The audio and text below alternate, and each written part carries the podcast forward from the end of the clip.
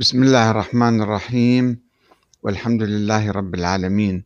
والصلاة والسلام على محمد وآله الطيبين. ثم السلام عليكم أيها الأخوة الكرام ورحمة الله وبركاته. آه، مرة أخرى نحن في ضيافة الناقد الكبير أستاذ علم الحديث فضيلة الشيخ عذاب محمود الحمش. و آه الذي استضفناه الأسبوع الماضي آه حول كتابه المهدي المنتظر في روايات أهل السنة والشيعة. دراسة حديثية نقدية وقد آه شاهد تلك الحلقة أكثر من عشرة آلاف آه، مشاهد عبر مختلف القنوات. آه، وللتعريف الشيخ وهو غني عن التعريف هو السيد عذاب بن محمود بن إبراهيم ابن محمد الحمش الحسيني الرضوي الحموي يعني من حماه وكتب في خدمة السنة والحديث أكثر من عشرة آلاف صفحة. وخمسة من كتبه مقررات ومراجع أصلية في عدد من جامعات العالم الإسلامي ومنها جامعات السعودية. آه، له من الكتب الإمام ابن حبان ومنهجه في الجرح والتعديل. الإمام الترمذي ومنهجه في في كتابة في كتابه الجامع. الوحدان من رواة الصحيحين ومروياتهم في كتب السنة. المجهولون ورواياتهم في الصحيحين. والمهدي المنتظر في روايات أهل السنة. ومناهج المصنفين في الجرح والتعديل. ومناهج المصنفين في الحديث النبوي آه، من أهل السنة في صحاح أهل السنة. ومناهج المصنفين في الحديث النبوي من غير أهل السنة وأيضا الرواة المسكوت عليهم وله محاضرات أيضا في تخريج الحديث ونقده أو كتاب بالحقيقة اسمه وعنوانه محاضرات في تخريج الحديث ونقده وهو تحقيق وتخريج صحيح البخاري وصحيح مسلم والمجروحين لابن حبان والأذكار ورياض الصالحين النووي وغيرها من الأبحاث الكثيرة. نتشرف اليوم باستضافته أيضا مرة أخرى في منتدى السنة النبوية على قنواتنا المختلفة ونطرح عليه عددا من الأسئلة آه، يتفضل بالإجابة عنها. السؤال الأول هو من هم أهل السنة عند أهل العقائد والمتكلمين وما هو تعريفك أنت لهم؟ تفضل شيخنا الكريم. بسم الله الرحمن الرحيم. ويرفع الصوت. نعم. الحمد لله رب العالمين وأفضل الصلاة وأتم التسليم على سيدنا محمد النور المبين وعلى آله الطيبين الطاهرين ورضي الله عن صحابته الأكرمين. السلام عليكم أيها الإخوة الكرام ورحمة الله وبركاته. وعليكم السلام. بعد أهل السنة والجماعة لها إطلاقات. بعضها علمي وبعضها سياسي. ولما كان السياسي محدودا نبدأ به. فأهل السنة في اصطلاح الأولين في زمان الأمويين هو من رضي بتنازل الإمام الحسن عليه السلام لمعاوية. والجماعة هي وحدة الأمة على معاوية بتنازل الحسن. هذا الإطلاق التاريخي والإطلاق السياسي. أما الإطلاقات العلمية فأشهر إطلاق وهو الذي توسع بذكره أبو منصور عبد القادر البغدادي في كتابه أصول الدين. قال والجامع لأهل السنة والجماعة أربع خصال.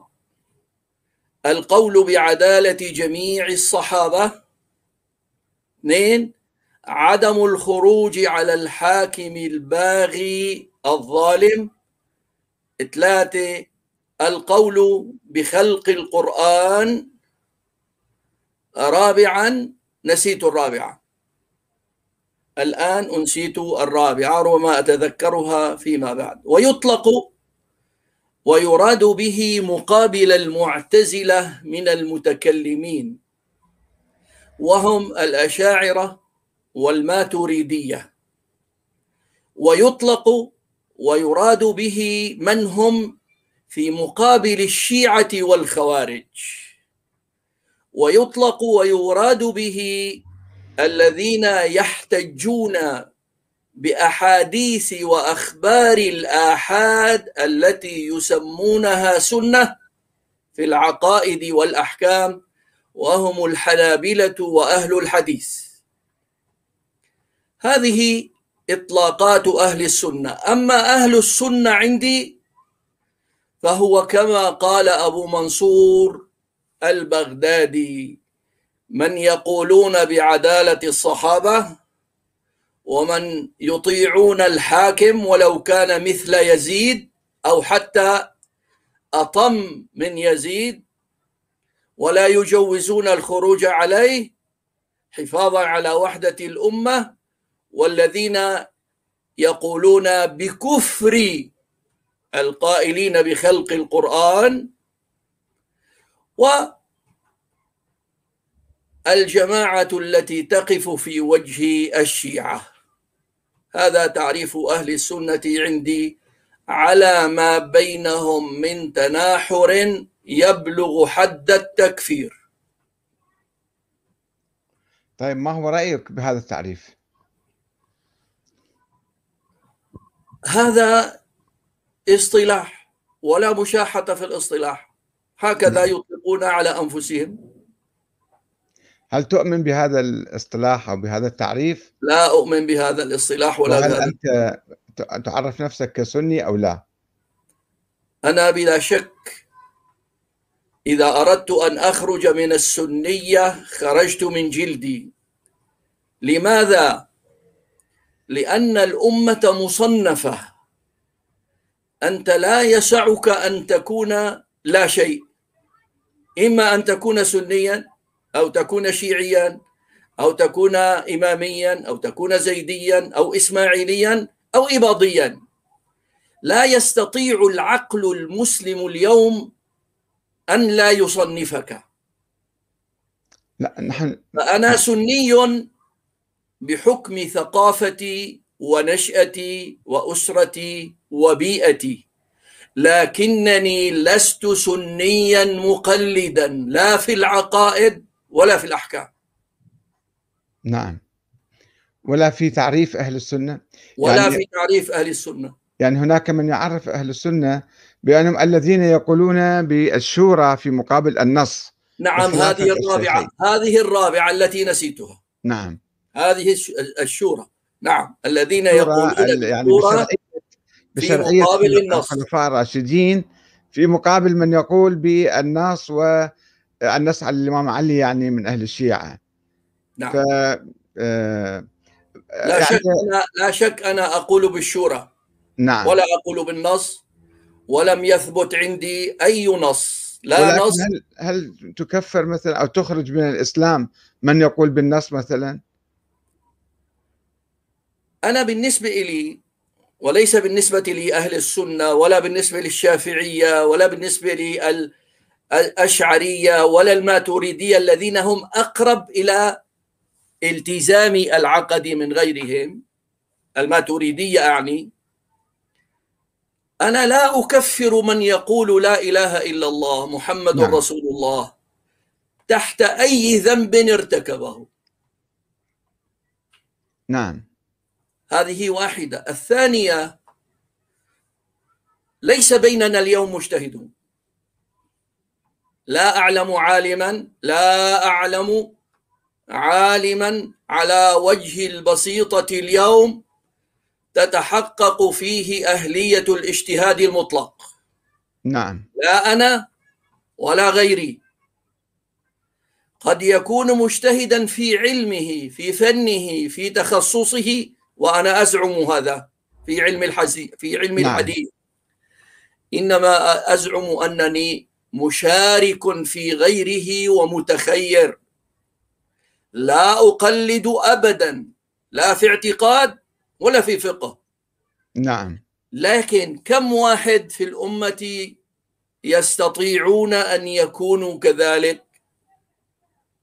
فإذا نحن كفرنا الشيعة لأخطائهم نكفر السنة لأخطائهم ونكفر المعتزلة لأخطائهم ونكفر الزيدية لأخطائهم كل نعم. شيء يقع تحت الاجتهاد ولا يكون القصد منه محادة أمر الله وأمر رسوله صلى الله عليه وآله وسلم فلا يكفر صاحبه به عندي حتى في أمور الاعتقاد حتى في أصول أمور الاعتقاد. لا يكفر. نعم. نعم. آه كما نعرف تاريخيا كان هناك آه صراع بين الأحناف والمعتزلة من جهة وبين أهل الحديث من جهة في القرن الثاني والثالث يعني. وبالتالي كان يطلق كل طرف كان يطلق على نفسه أهل السنة في مقابل الطرف الآخر أهل البدعة. ثم اشتهر مصطلح أهل السنة على الحنابلة آه، بعد انتصارهم على المعتزلة في أيام المتوكل وأصبحوا هم يمثلون آه، أهل السنة.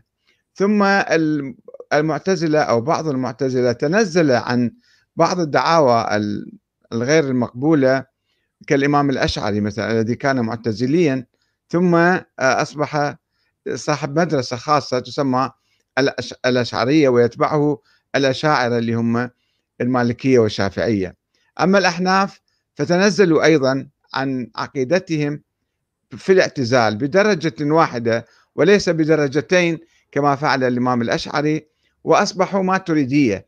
يعني يعتنقون المذهب الماتريدي اللي هو وسط بين الاعتزال وبين الأشعرية وفوق الحنبلية. وكانت هناك بالتاريخ صراعات بين آه، هذه المذاهب على الاسم على المصطلح أن من هو أهل السنة؟ فمن هو هم أهل السنة في نظرك؟ المعتزلة الأحناف الماتريدية الأشاعرة السلفية؟ هذا يقودنا هذا يقودنا هذا يقودنا إلى تحديد مفهوم السنة. نعم. تحديد مفهوم السنة مشكلة من المشاكل. نعم. كتب فيه رسائل كثيرة ولم نصل إلى حل. الإمام الشافعي أطلق مصطلحين في كتابه الأم. نعم. وفي الرسالة أيضا. قال خبر الخاصة وسماه المجتمع عليه. عفوا خبر العامة وسماه المجتمع عليه والذي لا يجوز لمسلم خلافه. نعم. ثم تكلم على خبر الخاص. وتغاير كلامه في خبر الخاص أكثر من أربعة مرات. فمرة يقول ونحن لا نأخذ بخبر الخاص ما نأخذ بخبر العام أو بالخبر العام. ومرة قال ونحن نثبت بالخبر الخاص سنة مثل ما نثبت بالخبر العام سنة ولكن ليست كهي ومرة يقول إذا اجتمع أصحاب المغازي على شيء فهو أقوى من خبر الواحد. ومرة يقول إذا اختلفت مخارج المراسيل فهي حجة. إذا أنو السنة؟ السنة هي الطريقة والسيرة. سواء كانت حميدة أو كانت سيئة. نعم. وسيرة الرسول صلى الله عليه وآله وسلم سيرته حميدة عطرة. فالسنة المقصودة هي تطبيق الرسول صلى الله عليه وآله وسلم العملي للقرآن الكريم. هذه السنة. وهذه تختلف المذاهب فيها من جهات ثلاث. الجهة الأولى الديمومة ووقائع الأحوال. هل كل ما تلفظ به الرسول صلى الله عليه وآله وسلم سنة ثابتة دائمة أم منه ما هو سنة دائمة ومنه ما هو وقائع أحوال؟ وظني أن عمر بن الخطاب رضي الله عنه فهم أن كل ما هو ليس سنة تطبيقية عملية فهو وقائع أحوال. ولهذا كان ينهى ويضرب على تدوين الحديث بل حتى على روايته. نعم.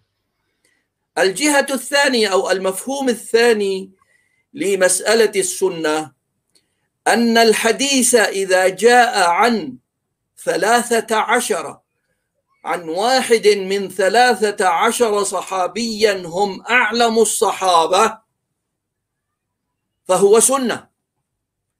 أما إن جاء عن صغار الصحابة وعن متأخري الإسلام منفردا به صحابيه كأبي هريرة وأنس وأبي سعيد الخدري رضي الله عنهم فهذا اسمه خبر وليس بسنة. نعم. والذين والذين يعتمدون هذا الكلام بالخصوص هم الحنفية في أصولهم وبعض المتكلمين الأصوليين الآخرين. الجهة الثالثة أو الفهم الثالث هو فهم الحنابلة وأهل الحديث.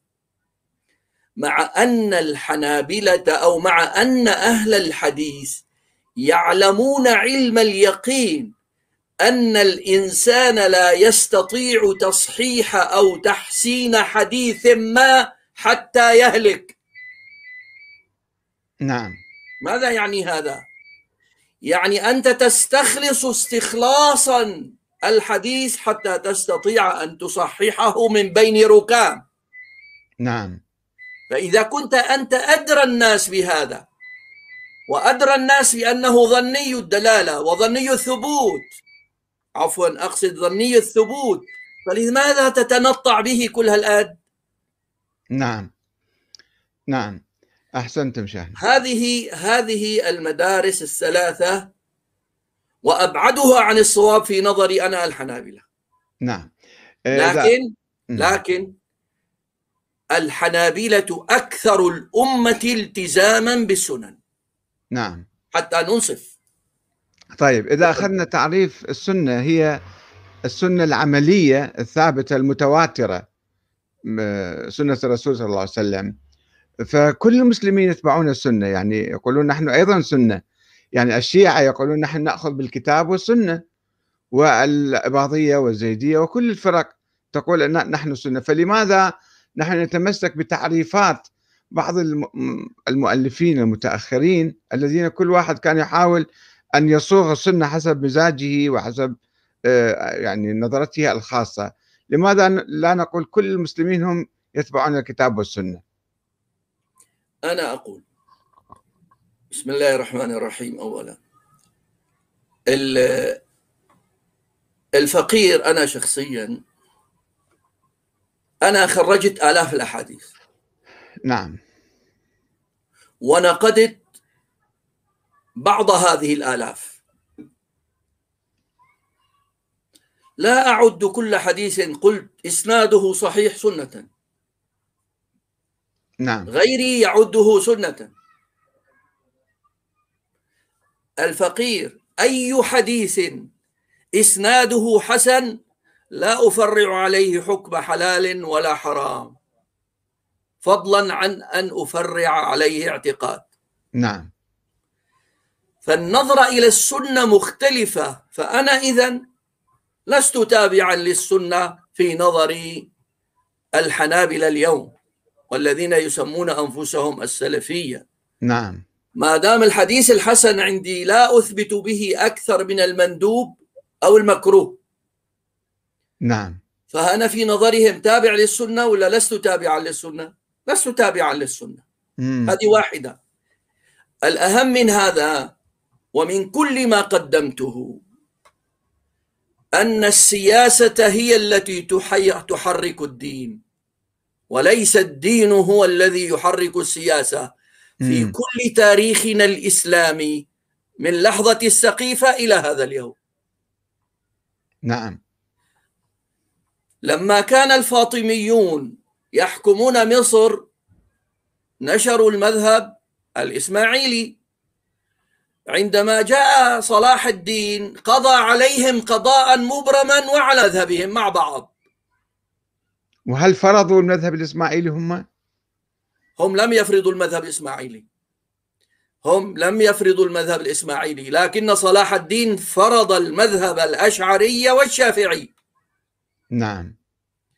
ثم جاء الظاهر بيبرس من ورائه فجعل المذاهب أربعة. ونحن اليوم أهل السنة ما شاء الله علينا نقول كل ما وراء المذاهب الأربعة ضلال. نعم. اعتمادا على من؟ على الظاهر ببارس وليس اعتمادا لا على علماء الشافعية ولا المالكية.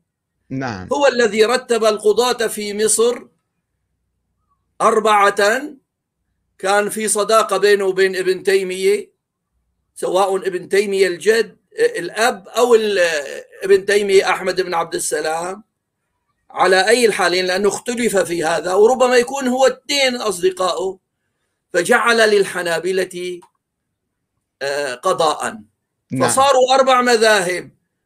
من يوم الظاهر بيبارس إلى هذا اليوم ونحن نقدس هذه المذاهب الأربعة وهي من اختيار حاكم قاتل متغلب ظالم. شو بدك تقول عنه قول نعم.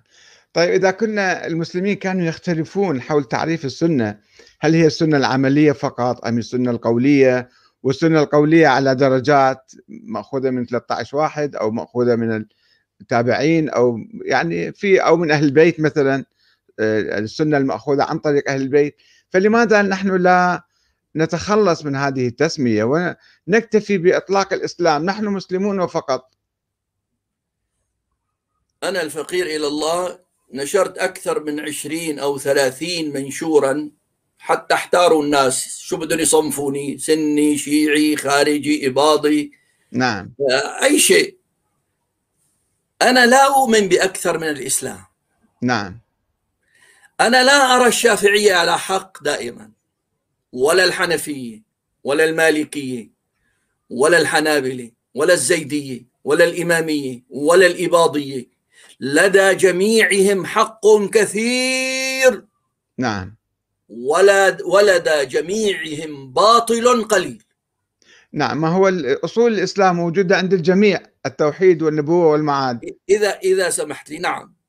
فنحن إذا نظرنا إلى المسألة من منظور سياسي على علمائنا أن يتعالوا على عن أن يكونوا خدما للساسة. علماؤنا على مدار التاريخ خدم للساسة. وليسوا فوق الساسة. نعم. يفترض أن يكونوا فوق الساسة. أمس واليوم وغدا وسيبقون إلى قيام الساعة خدم للساسه نعم كما يقول الحديث الشريف إذا رأيتم العلماء على أبواب الأمراء فبئس العلماء وبئس الأمراء. وبالعكس إذا رأيتموهم في كل تاريخنا الإسلامي ولي تجارب شخصية. ولي نعم. تجارب شخصية أنا مع أناس. قل له كيف تكتب هذا الكلام وأنت لا تعتقد به؟ يقول لي ماذا أفعل؟ من وين باكل أنا وأولادي نعم. أنا ما أقول العلماء ليسوا معذورين ولا أقول معذورون. ولا بصورة مطلقة طبعا. الأمة تجاه العلماء مجرمة. م. الأمة كأمة تجاه العلماء مجرمة. تريد من العالم أن يكون أسدا وبطلا وقوالا للحق ثم هو ليس علي ليس له عليها أي حق. نعم. نحن نسجن ونطرد ونلاحق. ونهجر. وأنا الفقير ما في دولة عربية بتقبلني أدخل أراضيها. نعم. بماذا قابلني المسلمون؟ يقابلونني بالشتم والشك وسوء الظن أجرك على الله وأنا صار لي 19 سنة ما استطعت أن أرى بناتي ست بنات. نعم. أجرك الله شيخنا ماذا والله. ماذا أعطاني الناس؟ ماذا أعطاني أهل السنة؟ ماذا أعطاني الشيعة؟ ماذا أعطاني المسلمون؟ ولا شيء. نعم. الأمة تريد من العالم كما تريد من النبي صلى الله عليه وآله وسلم. لكن هي ليست ملتزمة تجاهه بشيء. طيب. بل على العكس على العكس. إذا رأت لدى العالم سيارة شككت بدينه من أين له هذه السيارة؟ نعم. أو كان له شقة شككت بدينه من أين له هذه الشقة؟ إذا العالم لازم يكون نبي من جهة ولازم يكون قائد من جهة ولازم يكون شجاع من جهة ولازم يكون مدعوس دائما وفقير ليس عنده رغيف خبز. لا بس حتى يكون عالما صالحا في نظر الأمة. علماء الشيعة غير شكل شيخنا. علماء الشيعة يحصلون على دعم جماهيري علماء الشيعة بس وعلى... الآيات بس الآيات. نعم. أما أنا أعرف علماء شيعة أنا كنت أساعدهم في العراق. أنا. نعم. طلاب حوزة أنا كنت أعطيهم مرتبا شهريا في العراق. لم نعم. يكن الآيات يعطونهم شيئا. صحيح. زين ننتقل إلى السؤال التالي شيخنا الكريم. إذا سمحت لأن الوقت أخف ينتهي قبل أن ننهي الأسئلة. أنت عرفت من يعني شروط أهل السنة في تعريف السني هو الموقف من الصحابة القول بعدالة جميع الصحابة. فما هو رأيك بذلك؟ أنا رأيي أن الصحابي كل صحابي بدءا من أبي بكر وعمر وعثمان وعلي وانتهاء بأصغر صحابي. كلهم يخضعون لميزان الإسلام. ما في حدا فوق ميزان الإسلام. نعم. ما في حدا فوق ميزان الإسلام. ولا في حدا مسيرة حياته متراتبة مستقرة من أول ما أسلم إلى أن مات. نعم. ولا أنا ولا جنابك ولا أي مسلم نحن مسيرة حياتنا هكذا بين علو وبين هبوط وبين نعم. استقرار وبين عدم استقرار فالصحابة رضوان الله عليهم بشر يخضعون لما يخضع له البشر تماما تماما تماما ما طيب. بيختلفوا عنا ولا قيد أنملة نعم طيب إذا ما هو موقف من معاوية بن أبي سفيان وخصوصا لا, لا يختلفون عنا ببشريتهم قيد أنملة. ولا. هم أذكى منا ولا هم أشجع منا ولا هم أعلم منا ولا هم هم أفضل منا. نعم. شيخنا الكريم. هم أفضل منا فقط. نعم. مثال صغير. لما سيدنا عمر بن الخطاب على عظمته بيتم على حفظ سورة البقرة عشر, عشر سنين. هو وابنه واحد عشرة وواحد 12 سنة. ولما بيختم سورة البقرة بيذبح بقرة. نعم. طيب في غيره من المعاصرين بيحفظ سورة البقرة بأسبوع؟ نعم. حسب القدرة والفراغ وال يعني, يعني القصد القصد هذا التهويل الذي أضفيناه على الصحابة منعنا من أن نعرف الحقيقة؟ نعم. الصحابة الذين جاء في القرآن ذكرهم ما كان الله تعالى نسيا. السابقون الأولون من المهاجرين والأنصار أهل بيعة الرضوان السابقون الأولون أهل بدر من جاء فيه آه، حديث خاص يبشره بالجنة وحديث العشرة المبشرة بالجنة غير صحيح ولا اقتدوا بالذين من بعدي صحيح ولا حديث الخلفاء الراشدين صحيح نعم. ولا حديث الأئمة من قريش صحيح كويس نعم. هي على الهامش يعني فهؤلاء كلهم عدول لكن من أين لي أنهم ضابطون نعم أه لابد طيب. لابد أن يكون لكل واحد من هؤلاء الأفاضل نعم. أحاديث تصلح للصبر. حتى أقول هو ضابط أم غير ضابط. جاء نعم. بما يخالف القرآن أم لم يأتي بما يخالف القرآن. يعني جاء بما يخالف القرآن وهما لا عمدا. لكن لسه ما أنجزت الكلام عن هذه. هناك صحابة لا يعرفون إلا من طريق راو واحد. نسميهم الوحدان. هناك صحابة مجهولون. لا يعرف عن أعيانهم شيء. هناك صحابة مجهولو الأحوال هناك صحابة أعراب. هن قالوا نحن شفنا الرسول صلى الله عليه وآله وسلم.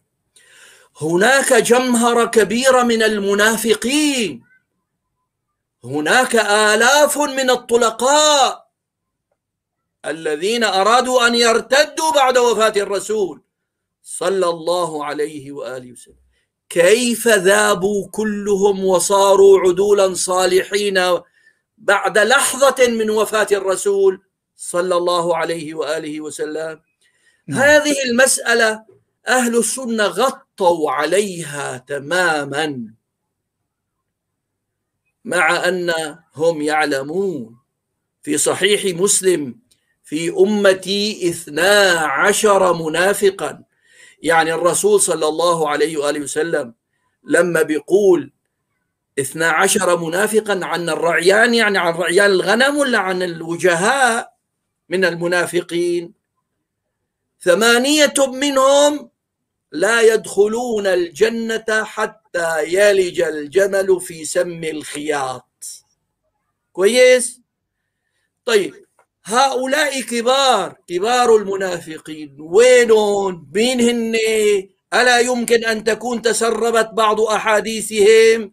ما دام ما حدا بيعرفون الذين يظنون أن حذيفة بن اليمان رضي الله عنه يعلم أسماء المنافقين ما بيفهم شيء هذا. هو يعلم أسماء المنافقين الاثني عشر أو الأربعة عشر الذين حاولوا اغتيال الرسول صلى الله عليه وآله وسلم في تبوك. فقط. لأنه كان هو ماسكا بخطام ناقته. فعرف خيولهم ولم يعرفهم فأخبره بأسمائهم الرسول واستكتمه فلم يبح بأسمائهم. عندنا وممن حولكم من أه وممن ومن ومن أهل المدينة وممن حولكم من الأعراب منافقون. ومن أهل المدينة مردوا على النفاق. هذول كلهم ذابوا. ذابوا تماما بعد لحظة وفاة الرسول. دخلوا كلهم في الصحابة رضي الله عنهم. رضي الله عن الصحابة. لكن أنت إيش عرفك هذا من الصحابة ولا هذا منافق؟ نعم. طيب ما رأيك بالصحابي آه، معاوية بن أبي سفيان؟ وتوريثه السلطة ليزيد. يا أخي الحبيب أنا قلت لك المسألة ليست في معاوية. المسألة بدأت من لحظة من أيام وفاة الرسول صلى الله عليه وآله وسلم. كثر القرشيون في المدينة. وكونوا قوة كبيرة استعدادا لوفاة الرسول صلى الله عليه وآله وسلم. فلما جاء الرسول يريد أن يكتب صلى الله عليه وآله وسلم إيتوني أكتب لكم كتابا لا تضلوا بعدي أبدا. شايف قديش نحن في ضلال؟ خرج بعض القوم ليقول رسول الله صلى الله عليه وآله وسلم غلبه الوجع. يا أخي ما دام عم بيقول لك أعطيني معناتها مو غالبه الوجع. نعم. الآن لو بتقول حسبنا كتاب الله يكفرونك يا أستاذ أحمد الكاتب. قال لهم حسبنا كتاب الله. ما بدنا يكتب لنا شيء خلاص انتهى الموضوع.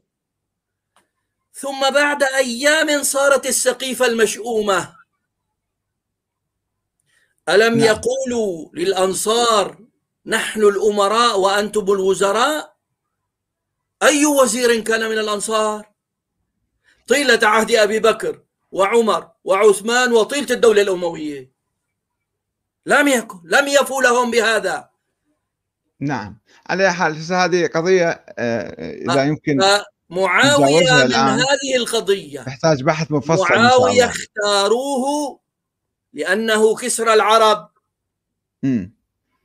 كان ينظر إليه عمر بن الخطاب بن شراح ويقول هذا كسر العرب نعم فإذا كان كان أبو سفيان والأمويون يهيئونه ويسهلون له حتى وصل إلى ما وصل إليه نعم. فأنت عندما تريد أن تتكلم على معاوية بدك تتكلم عن ذاتيته وليس عن الوصول الذي وصل إليه.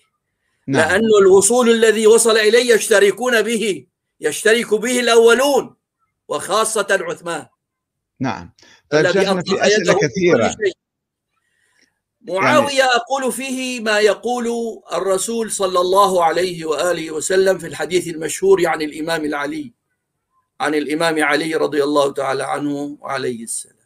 يا علي لا يحبك إلا مؤمن ولا يبغضك إلا منافق.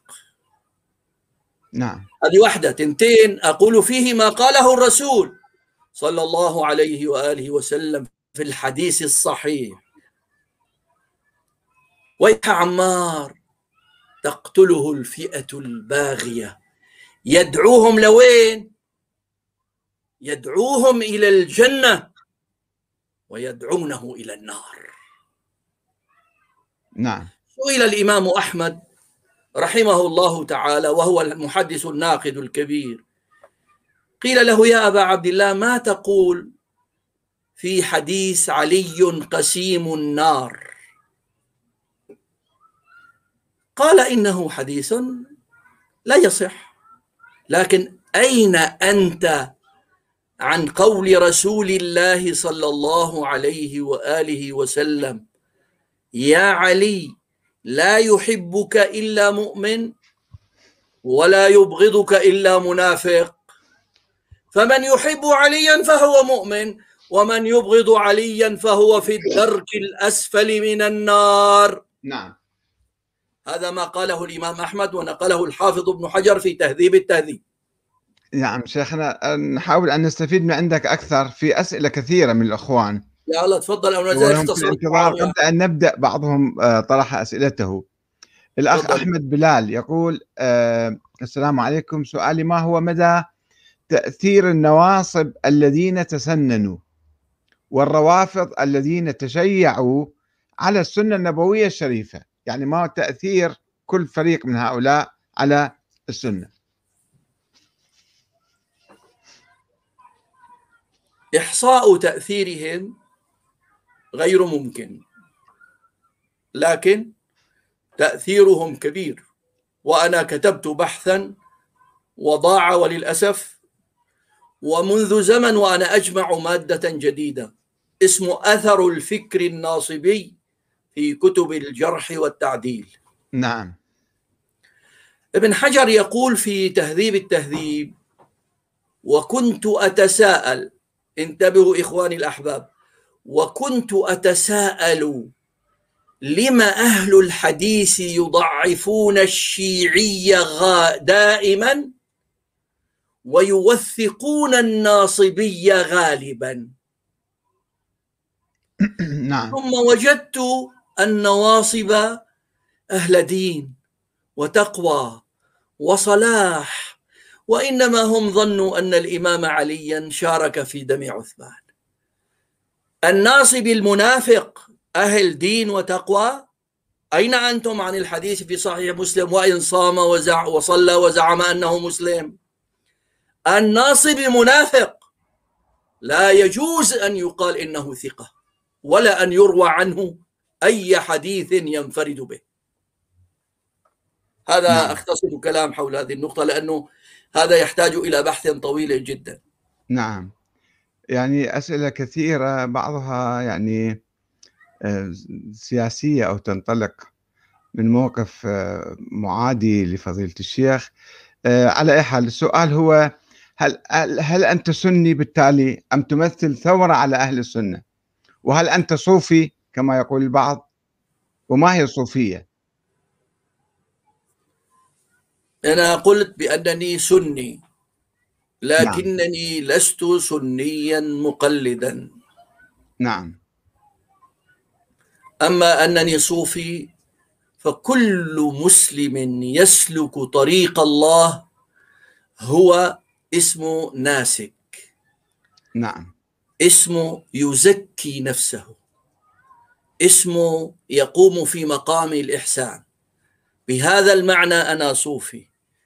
أما نعم. بمعنى التخريف والغلو ووحدة الوجود والحلول والاتحاد فأنا أكفر بهذه العقائد. نعم. طيب آه، أنت في والتصوف عندي هو سلوك عملي وليس اعتقادات. التصوف زيادة صلاة زيادة صوم زيادة تلاوة قرآن زيادة تسبيح زيادة استغفار زيادة صلاة على الرسول صلى الله عليه وآله وسلم. هذا التصوف. نعم. أما التأمل في موضوع الوجود ووحدة الوجود والعرفان والكشوف والفتوح وال هذه المراتب التي يزعمونها لبعض شيوخهم فأنا لا أؤمن بشيء من هذا أبدا. نعم. آه، ما هو رأيك بما يوجد عند بعض أهل السنة من رؤية الله تعالى في الآخرة؟ أو الفكر السياسي مثل حديث طاعة الظالم الفاسق المستولي على السلطة بالقوة والإكراه. ماذا تأخذ على أهل السنة؟ الحقيقة ما آخذه على أهل السنة آخذ أضعافه على الشيعة. نعم. لكن أهل السنة أنا آخذ عليهم الفردية العلمية. هذا نعم. أهم شيء لأن أهل السنة يتوزع بينهم الحق والشيعة يتوزع بينهم الحق. لكن هم للأسف كل حزب بما لديهم فرحون سواء هدول ولا هدول. الأخذ على يد الظالم وارد في أحاديث صحيحة ووارد حتى في آيات قرآنية. الأخذ على يد الظالم. وأهل السنة يقولون إنهم يخضعون للظالم بعد أن تنفذ كلمته حفاظا على دماء المسلمين. لكنهم لم يجيبوا على أمرين. القتل الذين قتلهم المتغلب حتى وصل إلى سدة الحكم. ألا يسقط عدالته ودينه عندكم؟ نعم. اثنين إذا كان هذا المتغلب إنما تغلب من أجل الحكم والدنيا كيف تأمنونه على دينكم وأعراضكم وأموال الأمة؟ هذا أهم ما أخذ عليهم في الجانب السياسي. نعم. نعم. آه، هناك سؤال من أحمد إبراهيم. يقول ما رأي الشيخ بقضية خلق القرآن؟ إذا نظرنا إلى الآيات القرآنية الواردة مثل ما يأتيهم من ذكر من ربهم محدث. إذا القرآن محدث. نعم. هذه واحدة. تنت... إنا أنزلناه في ليلة القدر. إذا هو منزل. نعم. إنا أنزلناه في ليلة مباركة. أهل السنة بفرقهم أو بمذاهبهم عفوا نظروا إلى القرآن والعلم. ربطوا القرآن بعلم الله. هل العلم مخلوق عند الله ولا أزلي أبدي؟ نعم. فلأنهم ربطوا هذه المسألة بتلك لم يسعهم أن يفككوا هذه عن تلك. أنا الفقير أقول لا أعرف عن علم عن القرآن الذي هو في ذات الله.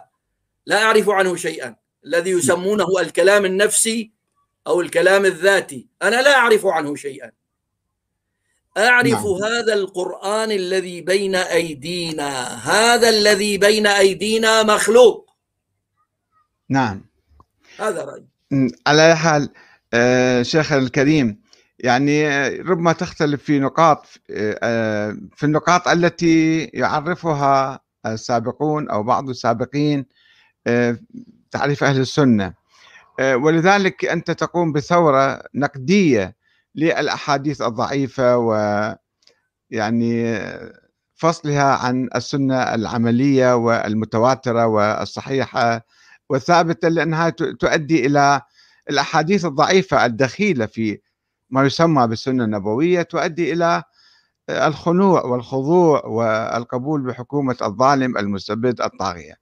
ولذلك المستبدون دائما يكرهون ويرفضون أي واحد يقوم بنقد هاي الأحاديث أو تضعيفها لأنها تفقدهم أداتهم في السيطرة على المسلمين. ولذلك نرى أن بعض أتباع السلطان أو بعض رجال المخابرات التابعين للأنظمة المستبدة يعني يحاولون تسقيطك أو آه، النيل منك أو الهجوم عليك فلا تبتئس بذلك. وإن شاء الله هذا يكون في آه، ميزان حسناتك إن شاء الله. وإذا كان عندك كلمة أخيرة فتفضل بها حتى ننهي البرنامج. عندي كلمة أخيرة. بسم الله الرحمن الرحيم. الكلمة الأخيرة هي للسنة والشيعة والإباضية. أهل السنة كلهم مسلمون. والشيعة كلهم مسلمون. والإباضية كلهم مسلمون ابتداء. كل من يشهد أن لا إله إلا الله وأن محمد رسول الله ويؤمن بأركان الإسلام الخمسة فهو مسلم. لكن من أين يأتي الانحراف ويأتي الضلال ويأتي الخروج من الإسلام؟ عندما نتجاوز أحكام الله في كتابه الكريم وأحكام الله في سنة رسوله صلى الله عليه وآله وسلم الصحيحة والتطبيقية إلى ركوب العقل والهوى. نعم. أريد من أهل السنة بمذاهبهم الشيع الشافعية والحنفية والمالكية والحنابلة والظاهرية إن كان هناك ظاهرية. أن يجعلوا لكبار علمائهم مؤسسة بعيدة عن الدول والحكومات. نعم. لا تمول من الدول والحكومات ولتكن حتى في دولة أجنبية. حتى لا يكون لدولة مسلمة سلطان عليها. نعم. ثم ليعرضوا مسائل الخلاف التي بينهم. وعلى بعضهم البعض يفرضون كتابة أبحاث. في كل مسألة خلافية يكتب خمسة مثلا من كبار العلماء. يشترك المحدث واللغوي والأصولي والفقيه والمفسر والمتكلم ويعطونا رأي واحد. الإيمان مخلوق ولا غير مخلوق؟ الإيمان أهم القرآن. الإيمان مخلوق ولا غير مخلوق؟ الذين قالوا الإيمان مخلوق. قال خصومهم من أهل السنة أنتم كفرة. نعم. فكفر الماتوريدية الأشاعرة لأنهم يقولون الإيمان مخلوق. مثلا. نعم. فإذا هي هي 70% من الأمة كفر صاروا انتهت المسألة. نعم. فلا بد من ترك العلم الفردي إلى العلم المؤسسي. أنا الفقير أخرج الحديث وأحيانا أبقى في تخريجه يوما وأحيانا يومين وأحيانا ثلاثة أيام. انتبه الحديث الواحد ثلاثة أيام أحيانا. لأنه البخاري بيكون حاطط لي مكرر لي ب 27 موضع أو ب 30 موضع أو سبعة أو 25 موضع. يعني أنت حديث واحد عبد الرزاق 25 مرة. نعم. طيب. وبوصل بعدين بتردد صححه ولا حسنه؟ طب حسنه ولا ضعفه؟ أنا نعم. بحط النتيجة اللي بتوصل إليها. لكن أحب أن يكون من أهل الحديث اثنين ثلاثة أربعة. يراجعوا هذا الكلام؟ ويأيدوني أو يخالفوني؟ نعم مع الأسف وكذلك الشديد. وكذلك الشيعة. والشيعة أحوج من السنة لأن كتبهم الروائية مهترئة لا تساوي حتى فلوس. نعم. كلها مهترئة. إذا كان بحار الأنوار اللي هو 110 مجلدات يختصر محسني آصفي أو آصفي محسني بدري شو اسمه هذا الشيخ الأفغاني تبعكم يختصره ب 2800 حديث وأنا إلي كلام على 2000 منها. نعم. هو بحار الأنوار غير معتمد والكتب المعتمدة اللي تعتبر صحيحة المجلس نفسه ضعف أربعة ضعف, ضعف أكثر من عشرة آلاف منها. هو ضعف نعم. 9800 نعم لكن شكرا. لما بيقول موثق إيه. أوله أوله موثق وآخره مجهول ومن هالحكي هذا هدول بيجوا 2500 أيضا. نعم نعم. ف... ولذلك هم في حاجة في أمس الحاجة إلى علماء حديث حقيقيين هناك حركة نقد أيضا موجودة عند الشيعة في نقد الأحاديث. لا لا لا يعتبرون أحاديث الكافي صحيحة. معظم أحاديث الكافي هي غير صحيحة. إذا معظم أحاديث الكافي غير صحيحة معناته ما عندهم أحاديث صحيحة. نعم. أحسنتم شيخنا الكريم. شكرا جزيلا. آه، أخذنا من وقتكم وإن شاء الله نراكم في آه، حلقات قادمة. والسلام عليكم وشكرا للأخوة المشاهدين والمتابعين.